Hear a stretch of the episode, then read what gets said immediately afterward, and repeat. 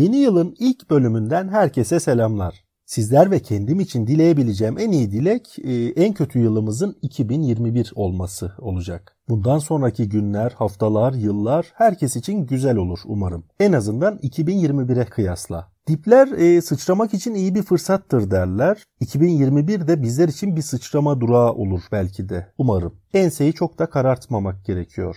Evet bu bölümde 1800'lü yıllarda temelleri atılan bir petrol şirketinin nasıl bir dev haline geldiğine ve sonrasındaki bölünme sürecine bakacağız. 19. yüzyıla gidiyoruz. 1800'lerin ikinci yarısına.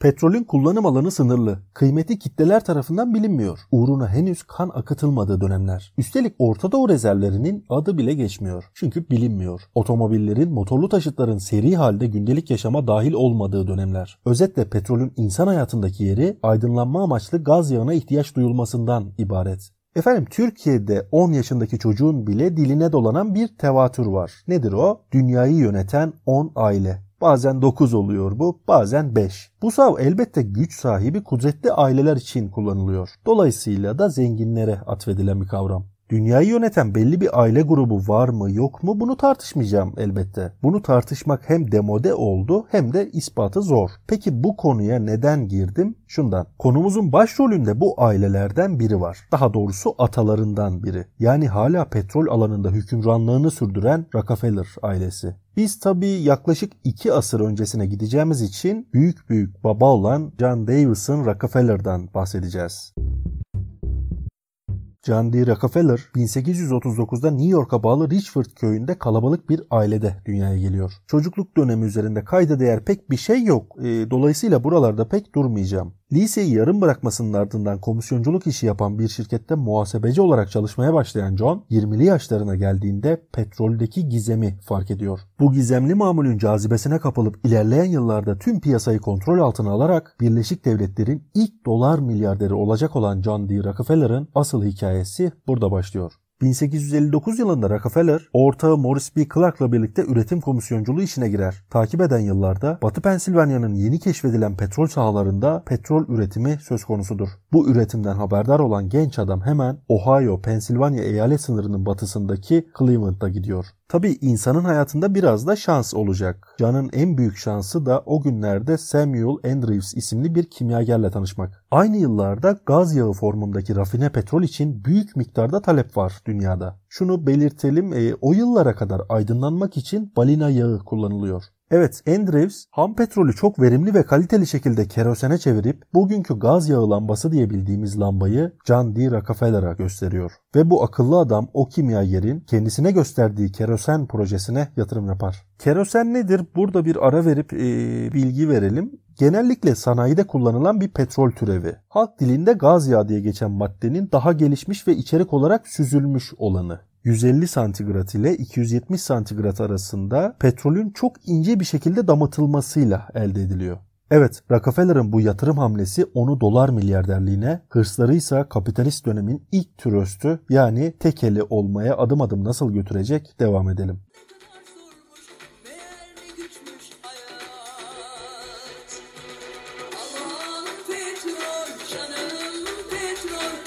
1863 yılında henüz 24 yaşında olan John Davison Rockefeller, kimyager Samuel Andrews, ortağı Morris B. Clark ve Clark'ın iki kardeşiyle birlikte Cleveland, Ohio'da bir petrol rafinerisi kurar. Ticari petrol piyasasının henüz yeni doğmuş bir bebek olduğu yıllar. Birçok şirket yeni yeni rafineriler kuruyor. Çıkardıkları petrolün gaz yağı elde edilen %60'lık kısmını alıp kalanını ise atık olarak niteliyorlardı. Zamanla kimyasal araştırmalara harcama yapan Cem, çıkarılan petrolün atık olarak görülen kısmını da değerlendirmeye başladı. Yağlama yağı ve parafin mumu gibi mamuller bu çalışmaların eseri diyebiliriz. 1865 yılında Rockefeller, petrol devi olma yolundaki kritik hamlelerinden birini daha yapıyor ve Clark kardeşlerin hissesini 72 bin dolara satın alıyor. Bazı kaynaklarda bu meblağ 73 bin dolar olarak geçer. 1860'lı yıllar ABD için sosyal olarak da çalkantılı bir dönem. 4 yıl süren mücadeleler sonucunda 1865'te iç savaş sona erdi. İç savaş sonrasında başlayan ekonomik büyüme ve demiryolu ulaşımının gelişmesi gibi faktörler petrolün yeni pazarlara adapte olmasını sağlıyor.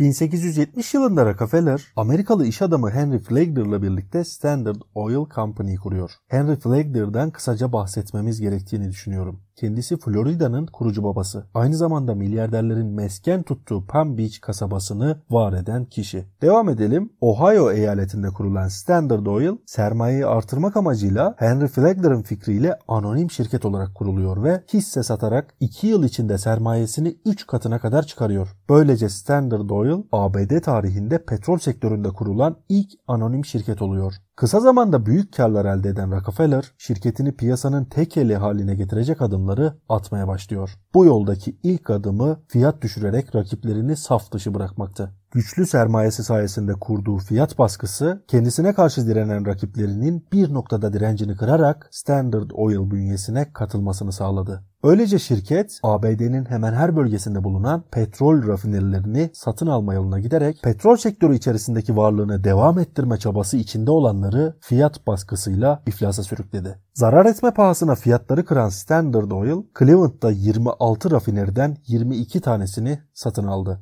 Bu olay tarihte Cleveland katliamı olarak anılıyor. John Rockefeller şirket satın alarak bir yandan büyürken diğer yandan da rakiplerini yok etmiş oldu. Bugünlerde devleşmeye başlayan petrol tüccarının canını sıkan bir mevzu daha var. Ulaşım maliyeti. Zira petrolün ulaşım maliyeti üretim maliyeti kadar önemli. Bu aşamada Rockefeller gene güçlü sermayesi sayesinde bir demiryolu şirketiyle anlaşma yapıyor. Şirket sahibine demiryolu hatlarını petrolle dolduracağının teminatını vererek uygun fiyata nakliye işini de çözmüş oluyor. Ancak zamanla bir petrol şirketinin taşıyabileceğinden daha fazla petrole sahip olan John diğer demiryolu şirketleriyle de çalışmaya başlar. Petrol sektöründeki rakiplerine uyguladığı acımasız politikalardan taşımacı şirketlerde nasibini alacaktır artık. Yıllarca iki demiryolu lideri olan Cornelius Vanderbilt ve Thomas A. Scott'ı rakip olarak birbirlerine düşürerek kendi nakliye ücretlerini sürekli aşağı çekti. Rockefeller'ın bu hamlelerine karşı Vanderbilt ve Scott bir araya gelerek sabit bir fahiş fiyat verdiler ve kendilerine göre Rockefeller'ın elini kolunu bağladılar. Fakat onun bu savaş ilanına karşılık bir B planı vardır.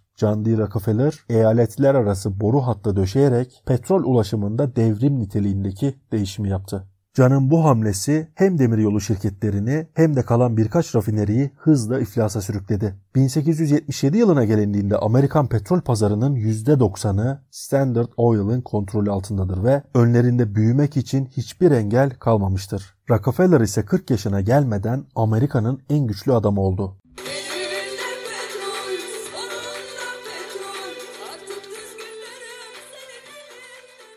1879 yılında Thomas Edison elektrikli ampulü icat ediyor. Evlerde gaz lambalarının yerini ampulün alması artık an meselesi. Rockefeller petrolden vazgeçmemek ve petrol imparatorluğunu sağlama almak için elektrik karşıtı propaganda yapmaya başlıyor. Amerikan halkına elektriğin tehlikelerini anlatan çalışmalar yürütüyor. Ancak aynı dönemde benzinle çalışan ilk motorlar yapıldı. Herkes petrolü çamur olarak görürken şapkadan tavşan çıkmış ve Rockefeller'ın petrole yaptığı yatırımların asıl karşılığını alma vakti gelmiştir. Henry Ford ilk seri üretim otomobili piyasaya sürdükten sonra petrolün asıl önemi ortaya çıkmıştır. Kömür enerji kaynağı olarak üstünlüğünü petrole kaptırdı. Benzinle çalışan araçların sayısı arttıkça Standard Oil servetine servet katmaya devam etti. Piyasadaki bu haksız rekabete yani tekel oluşturmaya karşı 1890 yılında bir yasa çıkarıldı. Sherman Antitrust Yasası. ABD Kongresi tarafından kabul edilen ve teşebbüsler arasındaki rekabeti düzenleyen bu yasa adını yasa teklifinin ilk sahibi olan Ohio Senatörü John Sherman'dan alıyor. Özetle Sherman yasası rekabete aykırı anlaşmaları ve ilgili piyasayı tekelini alan ve tekelleştirmeye çalışan tek taraflı davranışları genel olarak yasaklıyor. Yasanın çıkmasından 21 yıl sonra petrol trust'u Standard Oil bölünmek zorunda kalacaktır. Ama ondan önce Standard Oil'ın bölünmesinde büyük etkiye sahip olan kimi tarihçiler tarafından araştırmacı gazeteciliğin başyapıtı olarak nitelenen bir kitap ve yazarından bahsetmek istiyorum. Amerikalı araştırmacı gazeteci Eddie Torbell. McCullers dergisinde çalışırken Standard Oil'in usulsüzlüklerini ortaya çıkarmak için derinlikli araştırmalar yapıyor. Torbell'ın babası da bir zamanlar Standard Oil'da çalışmış biri. Bu araştırmalara ve yayınlara karar verdiğinde şahsına ve çalıştığı yayın grubuna yapılan türlü tehditlere rağmen ülke çapında özel arşivleri ve kamu belgelerini inceleyerek çeşitli raporlar çıkardı. Topladığı belgeler ve yaptığı görüşmeler sonrasında Standard Oil'ın hedeflerine ulaşmak için hangi taktikleri kullandığını, rakiplerini, e, demiryolu şirketlerini ve diğerlerini hangi yollarla manipüle ettiğini kanıtladı. Torbal'ın bu konular üzerine yazdığı 19 adet makalesi 1904 yılında The History of the Standard Oil Company isminde kitap olarak iki cilt halinde yayınlandı. Söz konusu kitap ABD'de büyük yankı uyandırdı. Tröstlerle mücadele konusunda oldukça kararlı olan dönemin başkanı Roosevelt de bu duruma kayıtsız kalmadı. Nihayet Mayıs 1911'de Amerika Birleşik Devletleri Yüksek Mahkemesi piyasasının %90'ından fazlasına sahip konuma gelen Standard Oil'i Sherman Antitrust yasasını ihlal ederek tekel oluşturduğu gerekçesiyle 34 parçaya bölme kararı aldı. Böylece Roosevelt yönetimi antitrust yasalarını kullanarak dünyanın en büyük tröstünü tarihte ilk kez parçalara ayırmış oldu.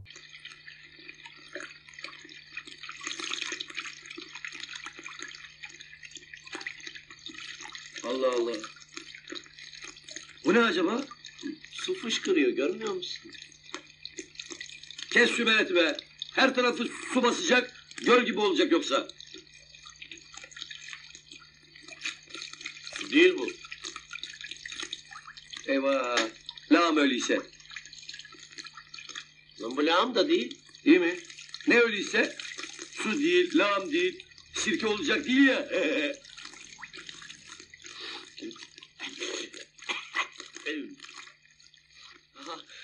petrol lan bu.